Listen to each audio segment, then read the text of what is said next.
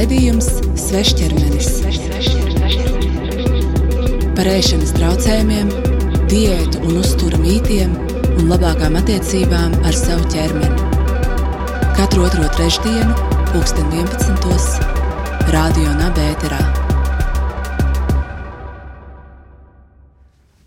Labdien, klausītāji! Šis ir raidījums Svešķermenis. Ar jums šodien kopā ir Marta un Kristiāna. Un pie mums šodien ir uh, jauns viesis. Viņu sauc Magdalēna. Teiksim, tā, viņa ir mazliet noslēpumains viesis, jo viņa ir piekritusi piedalīties šajā raidījumā.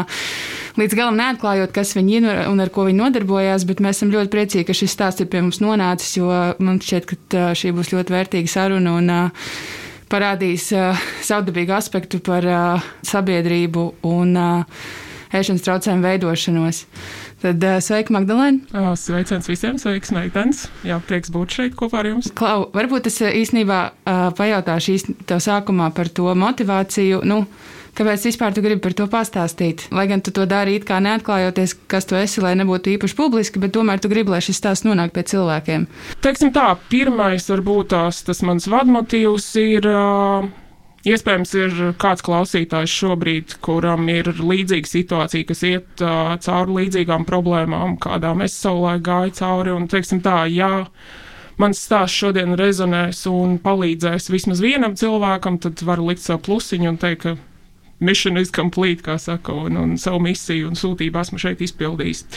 Otrs aspekts būtu tas, ka es uzskatu, ka joprojām sabiedrībā valda visai liela stigma un neizpratne par ēšanas traucējumiem. Un, um, Savulaik pati saskāros, ka man uh, tuvi cilvēki, draugi, radi paziņas, uh, vispār nenojauta, kam es eju cauri un ar kādām grūtībām es saskaros. Un, uh, nemācīja varbūt tās uzdot jā, īstos jautājumus un kaut kādā veidā sniegt man to morālo atbalstu. Tāpēc um, es ļoti ceru, ka varbūt tās um, šīs dienas sarunas laikā kāda māte vai draudzene saskatīs, teiksim, tā manī sev tuvu cilvēku, tur meitu, draugu, māsu, draugu. Un, un tas būs teiksim, tā, tāds pirmais solis uz kaut kādu diskusiju un aicinājums uz kaut kādu sarunu, lai palīdzētu šim cilvēkam. Jo mēs bieži vien arī eh, stāstos, ko mēs uzklausām, dzirdam to, ka tai apkārtējai videi un cilvēkiem, kas ir apkārt ģimenei, kam ir tik ļoti liela nozīme, lai vai nu, teiksim, ietekmētu, pasliktinātu kādu ēšanas traucējumu veidošanos, vai arī tieši pretēji palīdzētu atveseļoties. Varbūt tu vari izstāstīt tā secīgi, kāds ir tavs stāsts Uh, nu, laikam sāksim no pašiem pirmsākumiem. Uh, es teiktu, ka man laikam ir uh, saudabīgas attiecības ar ēdienu kopš pašas dzimšanas. Um, mātei piedzimu agrā vecumā, diezgan ātri atteicos no mātes piena, ja nemaldos pēc kaut kāda pusotra vai diviem mēnešiem. Tad bija visai liels grūtības atrast teikt, to pārtiku, ko es kā zīdainis, teikt, labprāt uzņemtu un ēstu. Uh, Un tālāk tas tā kā progresēja un attīstījās kaut kādā kā, maza bērna vecumā, tie ir 3, 4, 5 gadi. Mani pabarot, tas bija vesels stāsts un vesela epopeja. Vecmāmiņas varēja sēdēt ar mani divas, pat trīs stundas. Man, teiksim tā, es nu, šobrīd vēl joprojām atceros, ka man tādu dīvainu azartu deva tas, ka es mēģināju izkaulēt ar vecmāmiņām, ka to porciju uh, es varu sadalīt divās daļās, un tad es apēdīšu vēl no tās pusītes to mazāko ceturdaļu, un, teiksim tā, katru reizi, kad es uzvarēju šajā, šajā teiksim tā, šajā, šajās pārunās, jā, tad, tad priekš manis tas bija tāds triumfs, un, uh, Laikam uz vienas rokas pirkstiem var saskaitīt, kāda ēdiena man garšoja. Man garšoja grīķi ar cukuru, man garšoja makaroni ar kečupu un ūdeņains buļļoniņš, kurā peldēja kaut kādi pāris burkāni. Un saldumu, protams. Un tas arī bija viss. Atceros arī vienu gadījumu, kad māte kaut kādas, es nezinu, laikam trīs stundas uh, maula kotletes un pati pašrocīgi taisīja, jo tad vēl nebija, teiksim, tā modernie kombaini, tas viss, teiksim, tā roku darbs tāds. Un tad man šīs vistas kotletītes tika noliktas priekšā, un tad, uh, nokožoties pirmo kumos, es viņu laikam kaut kādas divas ar pus stundas turēju vienkārši aiz vaigu un atteicos viņu norīt. Nu, un, protams, pēc tam mā, mātes nervi neizturēju un, teiksim, tā dabūju, dabūju pa galvu par, par šo incidentu, nu, un beigās to kotletīti tomēr visai ātri nācās apēst. Vai tu atceries savu motivāciju aiz tā, kāpēc tev tā šķita kā spēle, vai arī kāpēc tu tieši šo spēli veici caur ēšanu, caur ēdienu? Man, teiksim, tā varbūt tās pati agrā bērnība diezgan traumatiska un tāda problemātiska bija, jo, kā jau es minēju, mammai piedzima agrā vecumā, viņai bija tikai 18 gadi, un mans tēvs bija viestrādnieks no citas valsts, un uh, viņam bija alkohola problēmas. Līdz ar to um, katru otro dienu viņš nāca mājās alkohola reibumā un uh, rīkoja skandālus. Bija, nu, bija mājās arī fiziska vardarbība. Bieži vien man nāca priekšā tā, tā, teikt, tās fiziski ietekmēja manu māti. Bija arī, protams, daudz visādi strīdi, kad mēs bēgām ar māmu pie vecmāmiņas, un tēvs dzērumā klapējās pie durvīm un teica, ka viņš man pa logu tulītās izmetīs ārā. Un, nu, tā kā tiešām daudz tādas traumatiskas epizodes. Es domāju, ka varētu būt uh, savā ziņā caur ēdienu izjūtu kaut kādu kontroli, ka man vismaz par pār kaut kādu aspektu manā dzīvē ir vara, kuras var ietekmēt un pateikt nē, ka es pieņemsim negribu vai es gribu šo, nevis to. Tā kā es teiktu, ka varbūt tās sakņojās tas viss, jā, tādās kaut kādās bērnības traumās. Mums tieši pāris uh, ierakstus atpakaļ uh, Natālija Bērziņa psihiatra stāstīja par šo kontrolas mehānismu, cik tas vienmēr ir kā, ļoti figurē centrāli ēšanas traucējumos, ka tā ir, ja tu nespēji kontrolēt savu dzīvi, tad tu meklē veidus, kā kontrolēt kaut ko ap sevi. Tā kā mēs ar tevi esam iepriekš runājuši, varbūt mēs varam pavirzīties tālāk un uh, pastāstīt par to, kā uh, dejošanas kolektīvs, deju kolektīvs ietekmēja uh, un pastiprināja ēšanas traucējumu veidošanos tavā gadījumā? Teiksim tā, es biju māksliniecisks bērns, un uh, man patika uzstāties. Uh, skolas laikā mazākajās klasītēs piedalījos dažādos konkursos, uh, teātris izrādēs, popēlās un tā tālāk. Bet uh, manu māti, viņa man diezgan stingri audzināja, pieprasīja no manas izcilību mācībās un visos citos aspektos, un uh, viņai likās, ka es esmu pārāk mākslinieciska, un viņa sāka satraukties, ka savas aizņemtības dēļ viņa nevar man nodrošināt uh, pienācīgu kontroli un disciplīnu. Līdz ar to mani sešu gadu vecumā, uzsākot mācības pirmajā klasē, izdomāja atdot uh, tautas deju kolektīvā. Aizgāju uz konkursu, mani pieņēma, un uh, kaut kādus, uh, nu, teiksim tā, tas bija viens no labākajiem Latvijas uh, tautas deju kolektīviem. Tur valdīja sava hierarhija un, teiksim, tā, savs princips. Daudziem bērniem ir tur dejojuši vecāki, māsas, brāļi. Un uh, mazliet kaut kāds, teiksim, tā plusiņš un priekšrocība tomēr tika dota tiem bērniem, kuriem ir bijis kaut kāda vēsture kolektīvā. Respektīvi, kāds no ģimenes locekļiem jau ir dejojis, un, teiksim, tā tas jau šī tradīcija tika nodota no paudzes paudzē. Otrs uh, aspekts, uh, prioritāte arī tika dota tiem bērniem, kas nāca no turīgākām ģimenēm un kaut kādā veidā veica kaut kādas ziedojumus un atbalstīja šo deju kolektīvu. Es nebiju neviens ne otrs. Uh, es nācu no uh, divvalodīgas uh, ģimenes. Man nebija bagāti vecāki. Deju kolektīvu vadītājai bija diezgan tāds. Konkrēts priekšstats par to, kas ir ideāli tauta meita. Tā ir blondīne ar zilām acīm un, un uh, žilbinošu smaidu. Es nebiju arī neviens no šiem, neesmu ne blondīna, nav zils acis, un teiksim, tā ne, nebija tāds, tāds ļoti smaidīgs bērns. Bet es biju laba dejotāja, tā kā kustība, koordinācija, ritma izjūta, viss, viss tā kā man bija, bet kaut kādus pirmos trīs, četrus gadus es dejoju trešajā sastāvā Mēģinājumi bija riktīgi vēlu vakarā. Pārsvarā dejoja kaut kādos masu skatos pašās pēdējās rindās, ļoti nenozīmīgas, teiksim, tā, nezinu, lomas un deju pozīcijas. Un pēc kaut kādiem trīs, četriem gadiem, nezinu, pamanīja manu talantu un uzcītību, jo bija neproblemātisks bērns, nekādas kā, disciplīnas problēmas man nebija, nācu cītīgi uz mēģinājumiem. Man izdomāja pārcelt uz uh, citu grupu.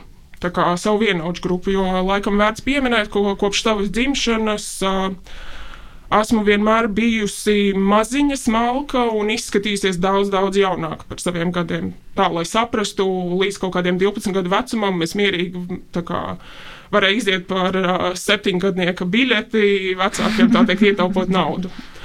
Un uh, mani sākumā aizsūtīja uz grupu, kur bija mani vienaudži, bet uh, jā, līdz pat kaut kādam 12 gadu vecumam visiem saviem vienaudžiem es biju līdz plecam. Līdz ar to izskatījos daudz jaunāk un, protams, izlaicu uz kopējā fona. Nodejojot uh, tajā grupā kaut kādu nedēļu, pusotru, man pasaules deju kolektīvu vadītāju malā un teica, ka, nu, klausies, jāsūta tev atpakaļ uz tā kā mazo grupiņu. Un aizsūtīja mani uz mazāku grupu, kur bērni bija divus, trīs, pat četrus gadus jaunāki par mani.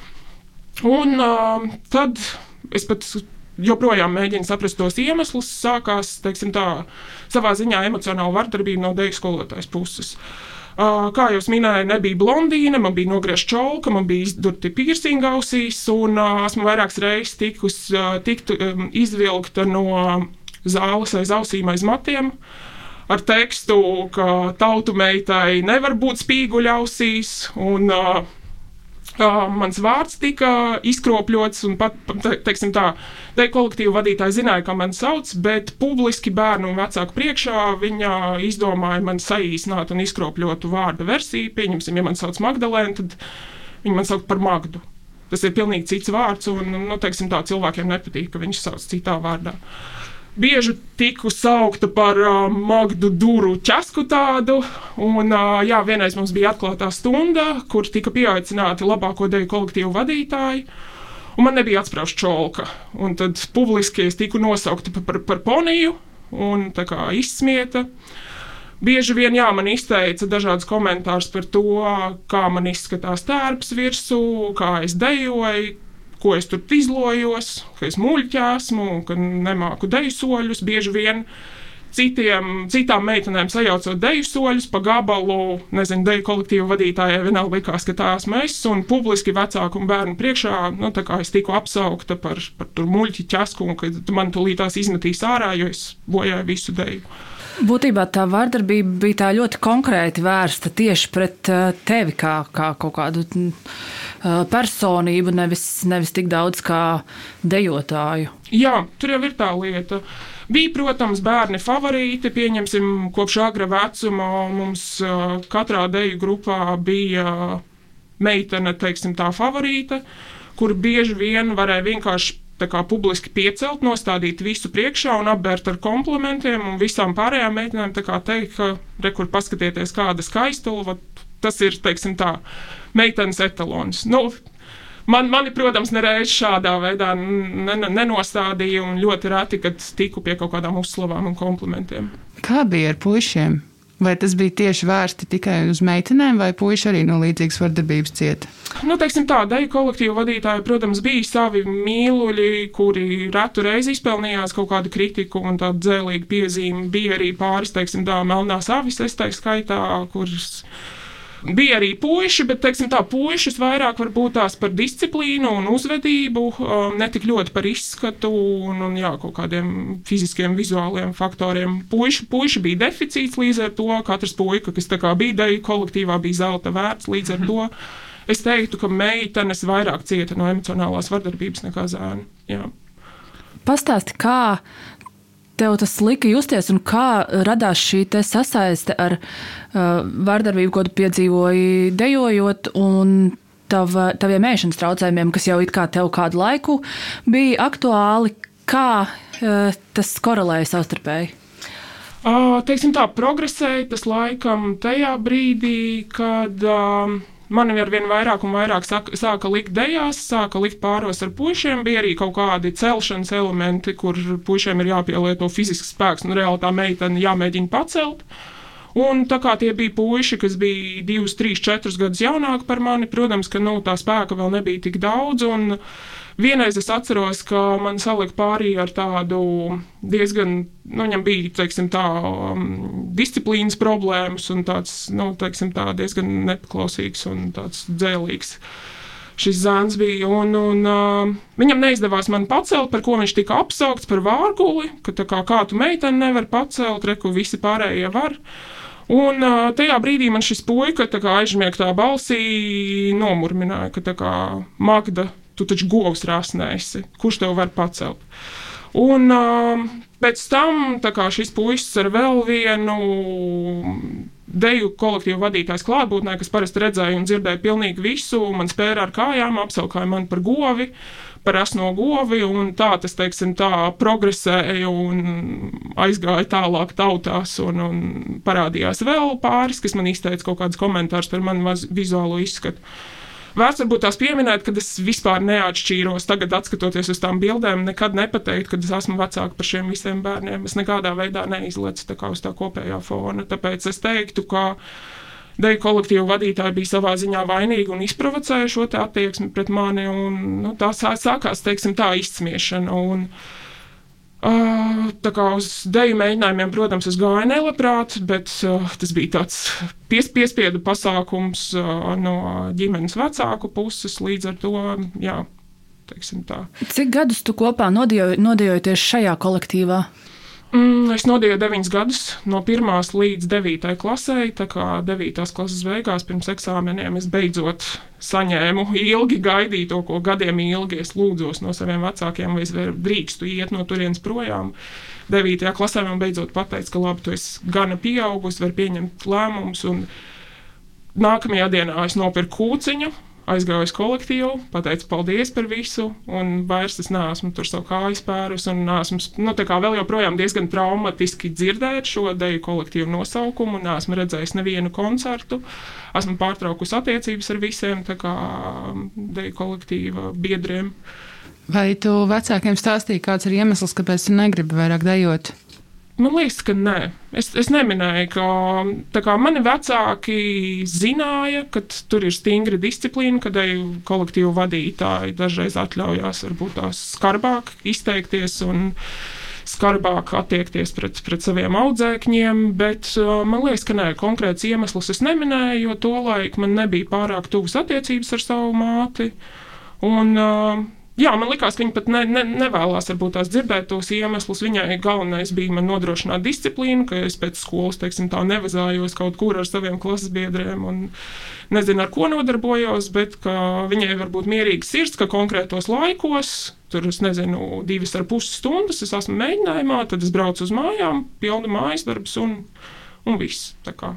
Vai tu vari pastāstīt tā tiešāk par to, kāda ir tava pieredze ar ēšanas traucējumiem un kā viņi izpaudās. Un, Uh, jā, teiksim tā, pirmie laikam ēšanas traucējumi kā reiz uh, tādi nopietnāki sākās uh, kaut kur 7, 8, 9 klasē, kad es uh, izlaidu maltītes, varēju visu dienu nēst, metu ārā ēdienu, tajā pašā laikā jutos ļoti vainīga par visiem, teiksim tā, Āfrikas bērniem, kas netiek pie, pie maltītes, bet ne, neko nevarēja tā kā padarīt. Man kaut kā, teiksim tā, tie ēšanas traucējumi sasaucās ar kaut kādu vēl papildus stresu manā dzīvē. Pirmā pirmā epizode man laikam tāda nopietnāka bija, kad bija 9. klases eksāmeni.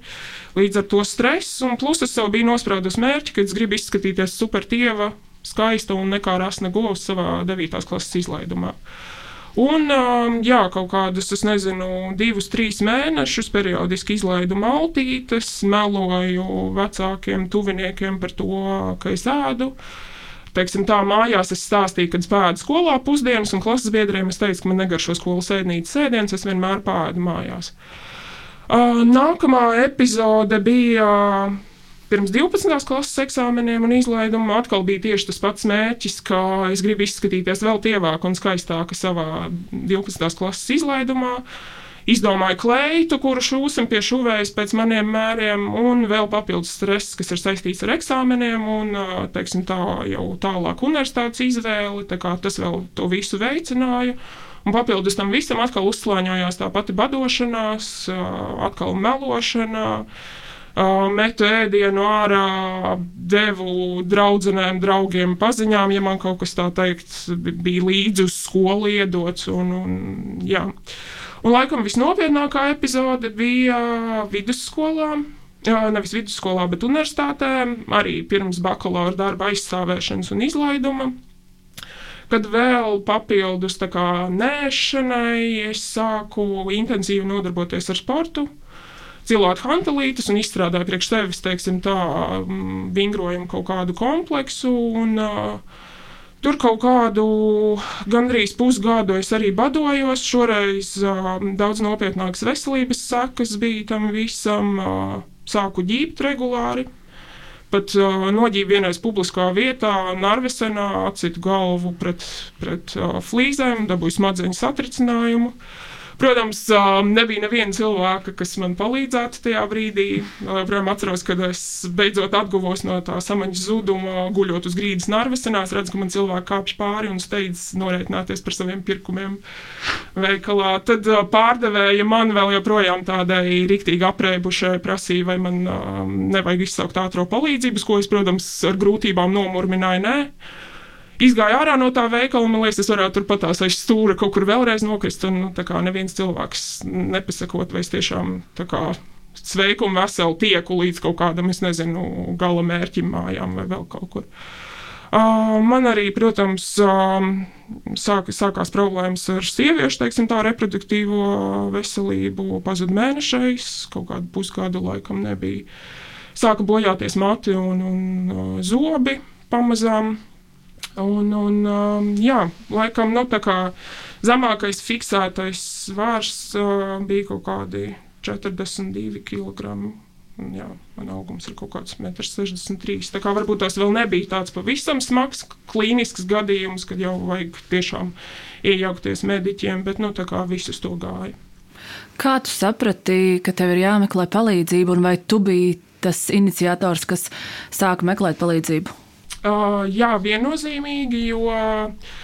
Uh, Kā jau es iepriekš minēju, protams, redzēju mani tuvinieki, ka es uh, intensīvi tievēju, bet kārtējo reizi viņiem pilnībā pietika ar aizbildinājumu, ka vienkārši ir stress, ir universitātes bakalaura darbs, es ļoti pārdzīvoju, un uz šī stresa rezultātā es kā, esmu ļoti notievējusi. Un uh, sapratu es to, ka beidzot universitātē es uzreiz uh, tiku pie darba piedāvājuma. Uh, visai smagi man gāja, jo arī nokļuvu tādā visai netolerantā kolektīvā, kur jā, nu, arī redzēju, ka es esmu maza un supertieva. Un, uh, jā, nu, es vienkārši sapratu, ka man nāk ģīboņi, ka man nestrādā galva, ka man ir kaut kāda atmiņas zuduma un ka es vienkārši nevaru ikdienā normāli funkcionēt. Protams, ļoti cieta arī manas attiecības ar draugiem. Es pārstāju iet uz kafejnīcām, jo tas, protams, uzreiz, ja mēs ejam uz kafejnīcu, tas nozīmē, ka man ir jāēd kāda cilvēka priekšā, un, protams, no tā es mēģināju izvairīties. Un vienkārši kā, tas viss rezultējās, ka es esmu viena, uh, vientuļa, ļoti nomākta ar depresīvām epizodēm, nevēlēšanos dzīvot vispār tālāk, ka neredzēju jēgu vispār kaut kādai nākotnē un savai dzīvei. Un es sapratu, ka nu, vai nu, ja es eju šo pašu taciņu un turpinu, nu, tad tad neko labu tas nebeigsies, vai arī man ir nu, jāmēģina kaut kādā veidā tikt sev pāri un atrisināt šī situācija. Un um, sanāca tā, ka es sāku iet jogā, atradu pasniedzēju. Viņš arī bija vegāns un propagandēja vegānismu. Un, um, jā, es vienkārši vienā brīdī saprotu, ka es sēžu darbā, es nevaru neko izdarīt, tāpēc, ka man nav spēka, es neesmu ēdus vairākas dienas normāli, un nu, man brāc virsū, jo es nespēju kvalitatīvi izpildīt kā, savus pienākumus. Un tad es sapratu, ka nu, laikam man ir jāatsāk ēst. Un teiksim, tā vegānisms man likās nu, tas tāds uh, optimālais veids, kur. Uh, Sākumā es, protams, arī vienalga mēģināju sev kaut kā ierobežot, un likās, ka kā vegāniska pārtika nav tik ļoti kalorijām bagāta, un no tās es neuzņemšu tik daudz svaru. Protams, arī bija teiksim, tā, savas, savas kaut kādas grūtības un, un kļūdas, ko es sākotnēji pieļāvu, bet kaut kā pamazām, pamazām pēc kaut kāda gada. Um, es atradu to optimālo taciņu ēšanas ziņā, kas man garšo. Parādījās atkal interese par ēdienu, atkal parādījās vēlme vispār ēst un uzņemt pārtiku. Un sāku justies daudz labāk, kā veselības spēks, enerģija atgriezās, un, un tā, es, tā es arī turpināju to.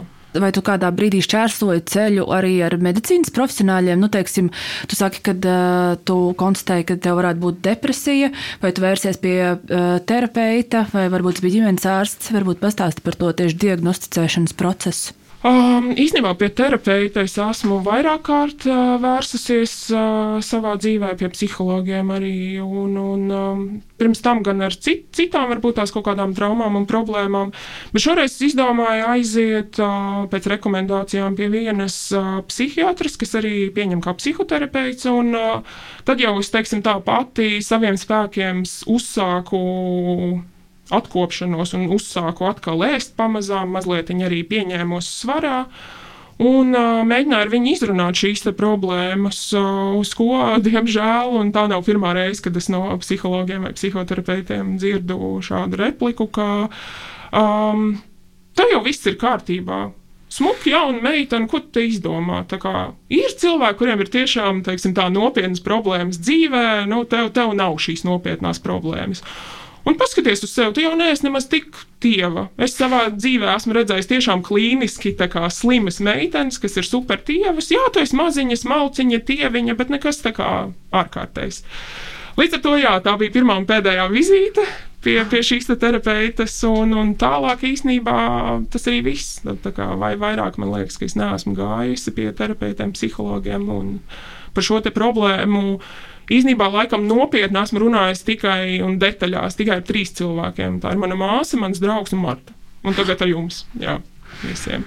Man liekas, nu, man ir ļoti sāpīgi dzirdēt tādu atbildi no, no profesionāla cilvēka, jo uh, Tas ir kaut kā iespējams mazliet tipiski tādai Latvijas videi, ka mēs problēmas risinām tikai tad, kad ir tā, ka cilvēks jau klīniski kļūst par skeletu, un tikai tad mēs varam sākt uztraukties.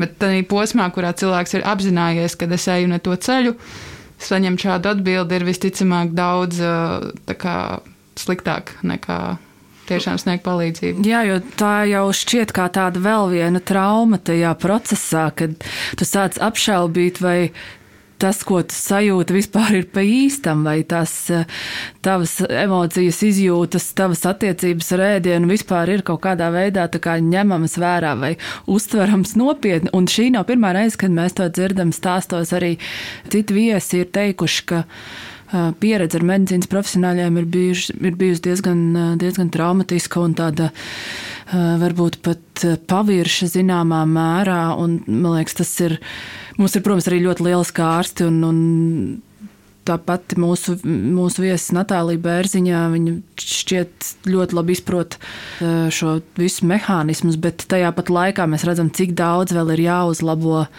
mūsu tajā visā sistēmā, lai mēs sāktu uztvert vispār ēšanas traucējumus par kaut ko nopietnu, kā mēs dzirdam arī no citiem viesiem. Bieži vien ir šī attieksme, tā taču nav īsta problēma. Tā ir izlepušu, kā Alis Sariņas sacīja, izlepušu meiteņu problēma. Jā, jā, jā.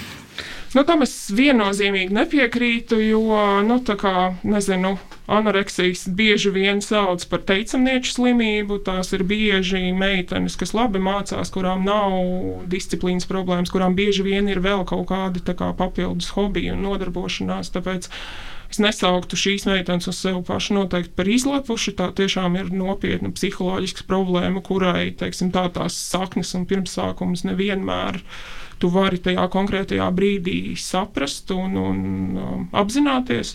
Līdz ar to, jā, tieši, tiešām žēl, un tā, es, tie, es ceru, ka šīs sarunas kā, rezultātā varbūt tās daudzi nezinu, medicīnas profesionāļi, kas arī iespējams klausīsies, aizdomāsies nopietnāk par šo palīdzību, jo kā pamazināt to nozīmību tai problēmai noteikti nav, nav tas labākais variants. Ir īpaši meitenei ar ēšanas traucējumiem vai vispār cilvēkam ar ēšanas traucējumiem, kā cilvēkam, kura mērķis ir sevi nomērdēt, teiksim, tā līdz badam, ja pasaka, ka tu neesi gana tievs.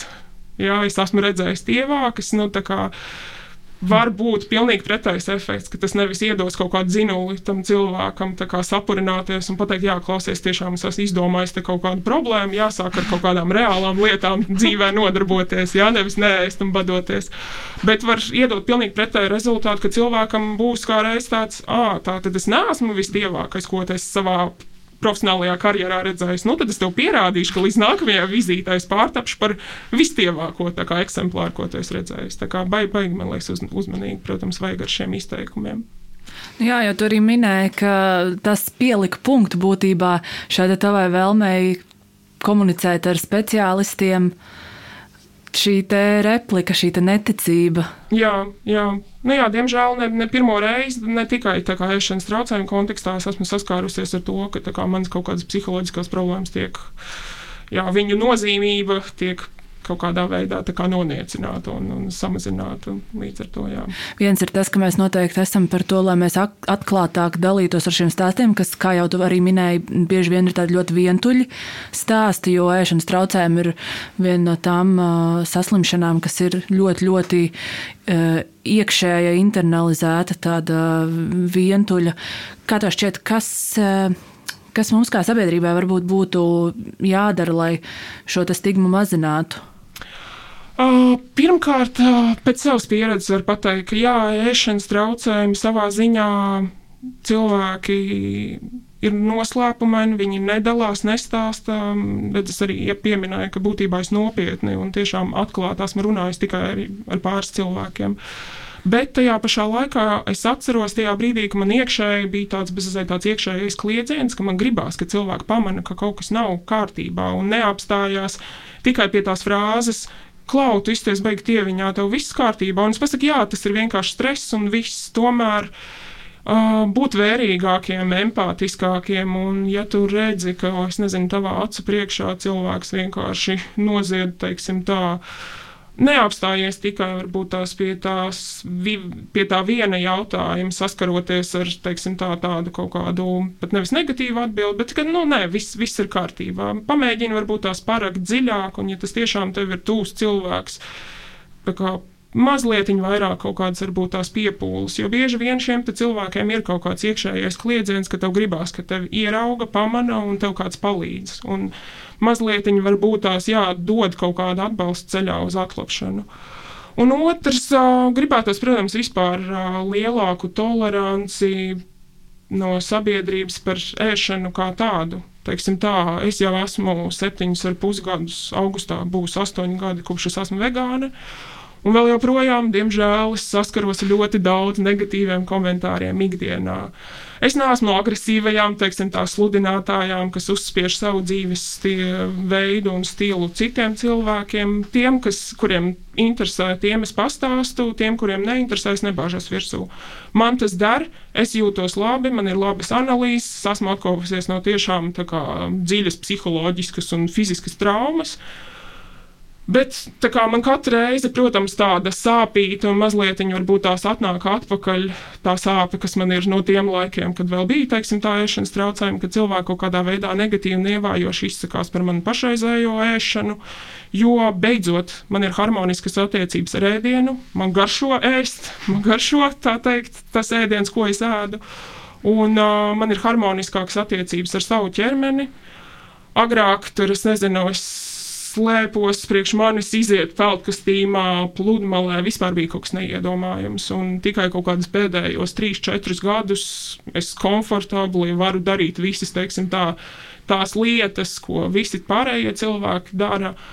Uh, man atkal sāk, teiksim, tā atgriezties kaut kāda pašapziņa, kas man nav bijusi kopš kaut kādas, es nezinu, 4. klases laikiem, kad laikam bija pēdējā reize, kad es atceros, skatījos spogulī un man patika tas, ko es tur redzēju. Tāpēc tas ir ilgs, mokošs process, un tajā pašā laikā vienkārši gribās no pārējās sabiedrības mazliet vairāk tolerances, mazliet mazāk kritikas un kaut kādu atbalstu un empātiju. Magdalēna, varbūt tev ir vēl kaut kas, ko tu vēlētos novēlēt, varbūt kādam cilvēkam, kurš klausās, un viņš sajūt kaut kādas vai nu līdzības, vai arī viņš redz sev blakus kādu cilvēku ar līdzīgu stāstu kā tev. Teiksim, kāds vēlējums vai padoms, pirms mēs beidzam šo sarunu, ko tu gribētu vēl pateikt? Es teiktu, ka no ēšanas traucējumiem pašam cilvēkam arī ir jāgrib atbrīvoties un tikt ārā Līdz ar to es aicināju varbūt tās tuviniekus saskatīt šīs problēmas un saskatīt, varbūt tās, ka kādam no viņu tuviem cilvēkiem var būt ēšanas traucējumi. Gribētos arī aicināt meklēt palīdzību un uh, mēģināt, mēģināt pašiem tā kā varbūt tās iz, izkāpt ārā no šīs bedres, jo tas dzīves stils un tā dzīve, ka tev ir nopietni ēšanas traucējumi tu nedzīvotu, teiksim, tā eksistē. Tāpēc es tiešām gribētu novēlēt gan pašiem, kas tā kā varbūt tās cieši no kaut kāda veida ēšanas traucējumiem, mēģināt atrast sevī spēku un motivāciju, saukt pēc palīdzības, parunāt varbūt tās ar kādu sev tuvu un uzticamu personu, no kura tu zini, ka tu saņemsi kaut kādu veidu atbalstu un palīdzību. Un tā kā jā, kopīgiem spēkiem mēģināt atrisināt šo problēmu. Paldies, Magdalēna, par šo stāstu un par uh, šiem iedrošinājumu vārdiem. Man šķiet uh, brīnišķīgs uh, padoms ceļa maizei, un paldies, ka veltīja laiku sarunāja ar mums. Ar jums kopā bija raidījums Svešķermenis, Kristiāna un Marta. Iepriekšējās raidījuma epizodes var noklausīties LSM LV arhīvā, kā arī Spotify un Apple podkāsts. Ja vēlaties uzzināt svešķermeņa jaunumus, piesako mums arī Instagram un Facebook profilos.